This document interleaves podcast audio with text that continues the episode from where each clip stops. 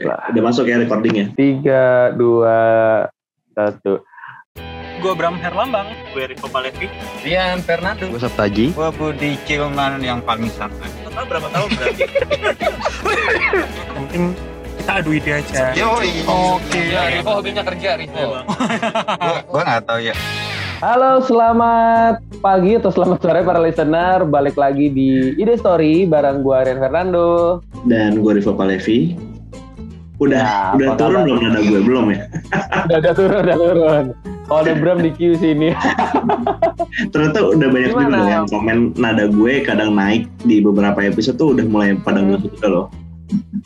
Iya, karena itu menyebalkan. Orang jadi bahkan nungguin intronya Rivo salah apa kagak nih. Gimana dong? Kita mau bahas apa nih hari ini nih? Kita mau bahas sesuatu yang simple, Hmm. tapi ternyata ini cukup banyak dipakai terutama di kalangan para mahasiswa. Ini apa nih? Ini adalah mengenai riset. Nah, kalau ngomongin soal Wow. riset, para listener, nah ini konteksnya pasti kan mencari tahu yang dia pengen tahu. Nah, saya ada trouble nih Pak Rivo. Kalau riset, Mm-mm. biasanya kan orang-orang itu yang bikin keren ya kayak perpustakaan nasional, Waduh. kemudian nongkrong baca buku di Waduh, taman-taman sangat indie sekali ya Wah. gitu. gue maksudnya. Apalagi sambil ngopi di tengah hutan belantara dengan Hmm, buku-bukunya apalagi sangat posting ada posting sekali. dulu sebelum mulai baca beneran ya. Sebuah pencitraan yang hakiki ya. Iya Ya, benar. jadi karena kemajuan teknologi eh, riset itu bisa berkembang sangat-sangat jauh. Jadi eh, perkembangan teknologi bikin riset bisa juga dilakukan dari audio visual, baik itu platform Ya. YouTube ataupun TikTok, Instagram, Twitter dan dan sebagainya. Nah, para listener, today kita akan bahas dua sisi gimana riset itu bisa dilakukan dari dua orang yang sama-sama suka riset. Nah, saya akan ke Pak Rivo sebentar. Kalau kalau lu Mas Vo, sebagai Yes. orang yang bergelut di bidang audio dan visual, apakah lo tetap prefer menggunakan audio visual lu itu Mm-mm. yang sudah lu biasa sebagai bahan riset lu, atau ya gue konvensional aja bos? Uh, menurut gue, gue prefer tetap ke literatur ya karena secara statistik uh, lebih enak dibaca, data angka dan sebagainya lebih gampang gitu. Dan menurut gue lebih dalam. Jadi kenapa gue tetap riset dari buku ataupun jurnal atau misalnya uh, paper-paper dari penelitian orang dan juga dokumen-dokumen karena menurut gue datanya lebih enak buat gue transformasikan ke dalam bentuk apa pun gitu. Jadi mau gue bikin audio, mau gue bikin visual, ketika gue punya basic data literatur ya, gue lebih gampang untuk nge-create sesuatu dibandingkan gue sudah dapet yang visual, audio dan gue terjemahkan lagi ke audio visual. Nah itu gue akan lebih kesulitan kalau gue. Iya nggak sih? Oke, Eh, make sense sih, make Gimana lo? Karena eh, gue 2019 sempet jadi orang yang demen riset by buku gue coba push to the limit. Sampai kira dalam tempo waktu dua bulan, oh sorry, bahkan gue sempat ke Big Bang Wolf. Mm-mm. Mungkin para listener dan Mas Rivo juga pasti tahu lah Big Bang Wolf itu ajang pameran buku terbesar ya. Iya. diskon-diskon yang menarik. Gue bahkan beli 6 buku, 4 buku belum gue buka. Karena gue akhirnya sadar ketika gue coba untuk push the limit yang ada, gue nggak nyaman gitu. Karena kalau buat gue, eh, buku itu adalah tempat berimajinasi. Yes, jadi pas kita baca buku kan kita ngebayangin. Kayak teman-teman lah listener dengerin podcast ini ngebayangin, oh kira-kira lagi bahas apa ya gitu loh. Nah buat saya, saya senang juga itu dengan yang namanya audiovisual. Jadi eh, sudah di-create lebih dahulu. Jadi buat gue kalau secara pribadi, gue much better riset itu by YouTube terutama. Ada beberapa channel-channel yang buat gue sangat-sangat baik untuk bisa jadi materi-materi untuk mencari tahu kayak contoh psikolog dasar, kemudian tahu mengenai ilmu-ilmu kesehatan, bahkan tentang how the universe being created itu, Nah, itu juga gue belajar. Nah itu menarik dok. Mungkin eh, teman-teman dari generasi Z dan juga ke bawah nih ya, terutama generasi misalnya ponakan kita atau adik-adik kita gitu, mereka kan lebih eh, akrab dengan teknologi, dengan YouTube, dengan platform yang baru-baru nih gitu. Apalagi sekarang TikTok juga sudah eh, merambah ke edukasi juga ya. Ada beberapa poin pelajaran yang sudah masuk ke TikTok gitu. Eh, menurut lo dengan eh, sesuatu yang sudah di-create ke situ, memudahkan mereka nggak untuk riset atau mereka akhirnya tetap belajar tapi ya udah sambil lalu aja nggak terlalu uh, nggak terlalu paham nggak terlalu ingat gitu Oke, okay, even gue sebagai orang yang sangat-sangat-sangat suka untuk belajar dari platform contoh YouTube audio visual, ada satu kekurangan yang emang gue akuin itu harus harus harus jadi garis utama ya. Kalau dikasih yang seperti itu, udah, di, udah disuapin, masalahnya adalah kita mau nggak tuh nuangin ke dalam bentuk karya lain atau mau nggak nyuapin orang lain? Karena biasanya kalau tipikal orang yang udah baca, oh ya udah gue pinter aja gitu. Beda dengan orang-orang yang biasanya baca buku itu mereka lebih ya gue bakal cerita ke orang karena ini buat gue ya gue tahu cuma dari buku dan gue mencoba mengexplanatory itu ke dalam sebuah cerita yang komprehensif. Gitu. Jadi buat gue sih ada plus minus walaupun memang lebih menyenangkan dari si YouTube lah misalnya. Nah tapi gini dok, masalahnya adalah memang ada beberapa penelitian yang menunjukkan bahwa ketika orang membaca atau menulis ulang bacaannya, dia akan memiliki tingkat pemahaman uh, lebih tinggi 10 sampai 20% dibandingkan orang yang tidak membaca ataupun tidak menulis lagi informasinya gitu. Lo kebayang nggak kalau misalkan uh, lo riset by YouTube, video dan juga uh, TikTok misalnya, uh, apakah lo lebih paham dibandingkan lo membaca data statistiknya atau lo membaca e-journal tentang itu gitu. Kalau sendiri di antara dua itu uh, kenapa masih tetap prefer ke video? Karena dibuat gue video itu satu selain mudahkan, kedua gue pilih platform YouTube yang memang agak agak lumayan deep membahasnya. Hmm. Jadi gini teman-teman, kalau untuk para Gen Z misalkan yang dengerin podcast ini, um, jangan coba hanya mendengar dari satu channel jangan cuma mendengar dari satu uh, creator karena itu sangat subjektif banget. Jadi nanti kita akan bermindset seperti dia. Padahal memang kita kan harus banyak-banyak informasi. Hmm. Channel beberapa channel. Contoh Mas apa yang sedang sering gua nonton? Pasti tentu anak-anak nontonnya kok bisa. Kok bisa itu sangat menarik iya, pendek. Iya, iya. Tapi tapi dia pendek Mas Fo. Dia pendek banget. Dia cuma kayak tiga menit, empat menit. Gue nonton gitu. setiap kok bisa juga itu itu bagus menurut gue kok bisa. Nah, ah. tapi tapi yang buat gue cukup menarik adalah itu kayak sisi terang. Sisi, sisi terang. terang itu juga cukup menarik. Sisi terang itu cukup menarik karena atau uh, yang kita channel Inggris itu bright side karena yeah. dia itu lebih bisa menjelaskan secara panjang belasan menit.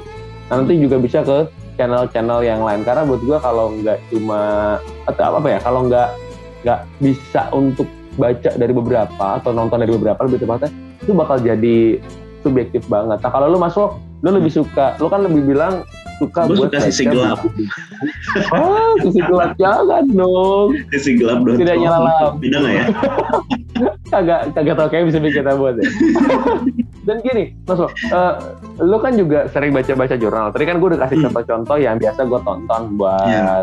referensi kalau lu sendiri yeah. ada nggak referensi buku dari yang enteng hmm. Sampai yang berat banget ini. Buat nah, masalahnya definisi enteng dan berat tuh kadang relatif ya. Menurut gue gue juga nggak mau membebankan setiap orang harus baca buku yang kayak gimana gitu. Menurut gue setiap orang ada kadarnya masing-masing tergantung dia sukanya apa. Kayak waktu lo sudah mulai suka membaca tuh di tahun 2018-19 itu lo kan uh, sempat diskus juga sama gue ya dan dan bahkan gue menyarankan akhirnya ya udah lo cari aja buku-buku yang memang lo suka dulu dibandingkan lo mencari buku yang memang sudah populer dan lagi dibaca dan lagi tren gitu. Menurut gue sih itu. Jadi lo tidak terbebani dengan berat atau enggaknya sebuah buku. Kemudian yang kedua uh, rekomendasi gue adalah baca buku yang memang uh, sesuai dengan minat dan juga sesuai dengan uh, kebutuhan lo gitu. Kalau misalnya gue uh, sebenarnya gue lebih suka buku-buku non fiksi karena informasinya lebih dalam. Misalnya sejarah Jawa atau misalnya kalau misalkan gue akan bikin liputan di Jawa Tengah ya udah buku tentang sejarah di Jawa Tengah lebih spesifik lagi gitu dan lebih dalam lagi gitu. Menurut gue gitu, entah siapa pun pengarangnya punya versi masing-masing sama kayak misalkan kreator di audiovisual ya dok di YouTube dan lain-lain gitu. Tapi eh, gue juga punya uh, beberapa referensi kayak misalkan e-journal dari UI, e-journal dari UGM gitu. Itu biasanya dua kampus yang menjadi patokan gue kalau nyari penelitian-penelitian serupa gitu supaya gue bisa nyari angle yang berbeda, uh, nyari kebaruan lagi dan nyari nyari hal-hal kritis supaya gue tidak mengulang penelitian-penelitian dari mereka gitu. Nah, gue mau nanya nih dok, uh, sebelum kita masuk ke rekomendasi lagi gitu ya, gue mau nanya sama lo, uh, kalau audiovisual tuh keabsahannya gimana sih?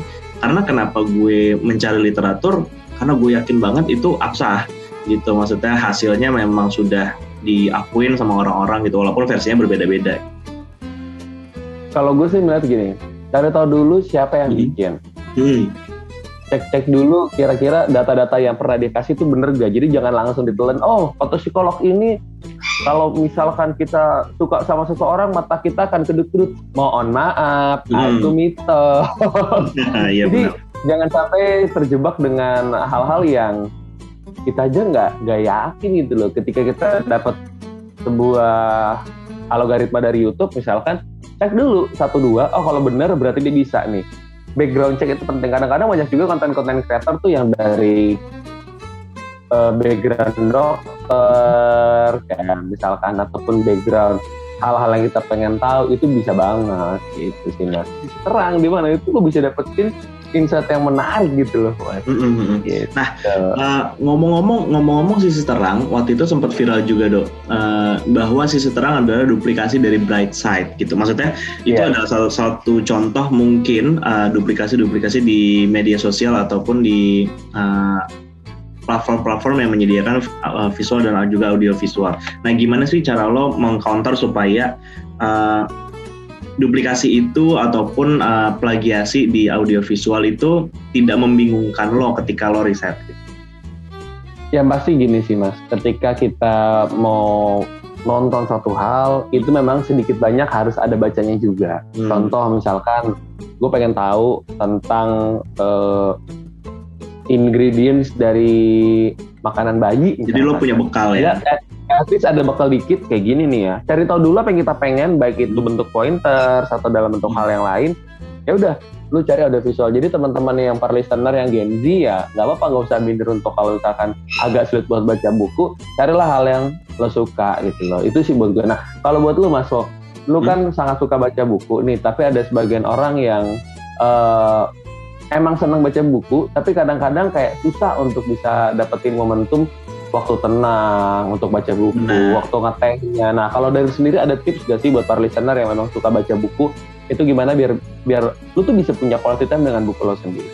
Yang pertama, eh, lo lo ciptakan waktu buat baca buku setiap hari gitu. Entah itu cuma selembar, dua lembar. Gue juga nggak cepet-cepet banget kok bacanya gitu. Tapi yang pasti ketika baca ya udah fokus supaya lo memang dapet intisarinya daripada lo sudah membaca cepet tapi lo nggak ngerti isinya gitu kan. Kedua, gue kadang bikin notes gitu ya supaya lebih gampang apa yang mau ditelusurin lagi atau apa yang kira-kira jadi poinnya gitu. Notesnya kecil-kecil aja di post it gitu ataupun dicoret-coret bukunya juga nggak apa-apa kalau rela gitu ya. Tapi kalau gue sih nggak rela. Terus udah gitu, eh, kalau gue sih tetap nyari, gue tetap nyari di internet juga dok. Maksudnya nggak nggak sebatas buku ya, tetap nyari di internet juga karena eh, situs-situs di internet juga banyak yang lengkap kok gitu. Nih, gue mau kasih rekomendasi sama teman-teman yang misalkan nyari data di internet, gue tuh selalu mencari di BPS Badan Pusat Statistik kalau misalkan data-data angka. Eh, terus kalau misalkan data-data narasi, biasanya gue nyarinya di situs Pemda ataupun kementerian terkait karena eh, menurut gue datanya udah paling valid aja dari mereka gitu loh, sebagai lembaga yang tertinggi gitu. Tapi sayangnya gue harus mengakui kekurangan ini eh, situs-situs itu eh, membuat datanya sangat kaku gitu sehingga kita kayak ngerasa oh ini datanya begini banget sih gitu nggak nggak ada sisi lainnya nggak ada angle lain yang menarik gitu sementara gue harus akuin bahwa kalau kita riset di video di YouTube dan lain-lain kita punya sudut pandang baru nih mungkin yang lebih menarik gitu ya nggak sih Sangat setuju sih. Yang penting dan mungkin gue gue jadi dapat insight baru ya. Hmm. Tadi kan eh, kita sebelumnya juga sempat ngobrol juga soal yang eh, menarik dan gak menarik ya. Yang penting satu hal sih teman-teman eh, jangan kemudian nggak tahu dan akhirnya kita ngerasa yang kayak ah udahlah gue gak usah baca aja sekalian gue main doang gitu loh. Ya maksudnya bahkan dari games pun kita bisa dapetin materi-materi riset loh teman-teman bahkan gak cuma YouTube ya misalkan anda Hmm. suka Harvest Moon game yang zaman dahulu tuh iya iya itu iya bisa jadi bahan riset anda jadi eh, riset riset tuh gak terbatas. Jadi mungkin teman-teman untuk para listener untuk episode kali ini ini sangat ringan tapi membukakan perspektif baru bahwa untuk baca buku ataupun nonton YouTube ataupun channel-channel lain itu terserah kalian masing-masing maunya ke yang mana. Kalau memang suka untuk nonton platform digital silakan tapi riset dulu siapa yang bikin agar jangan sampai mindset kita tuh jadi ikut-ikutan dia yang sebetulnya malah itu nggak punya kompatibel sama sekali. Kalau dari Pak Po? Hmm, gue juga mau pesan buat teman-teman yang mungkin uh, sangat fanatik sama buku dan juga riset by literatur uh, tidak menutup kemungkinan bahwa platform baru punya informasi baru buat kita, punya sudut pandang sudut pandang baru buat kita. Karena uh, menurut gue seiring perkembangan teknologi kita harus ngikutin gitu. Dan semua informasi ini bisa bertransformasi dalam platform apa aja. Jadi jangan pernah menutup kemungkinan-kemungkinan baru untuk bisa mendapatkan data-data untuk riset misalnya dan juga informasi-informasi baru gitu. Nah, teman-teman bisa terus di kolom komentar nih, Dok.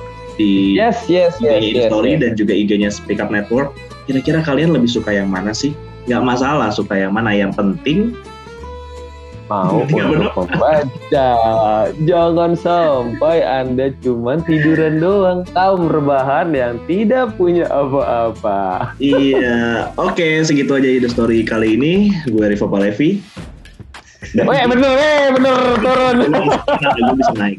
dan, dan saya Rian Fernando, pamit undur diri. Bye.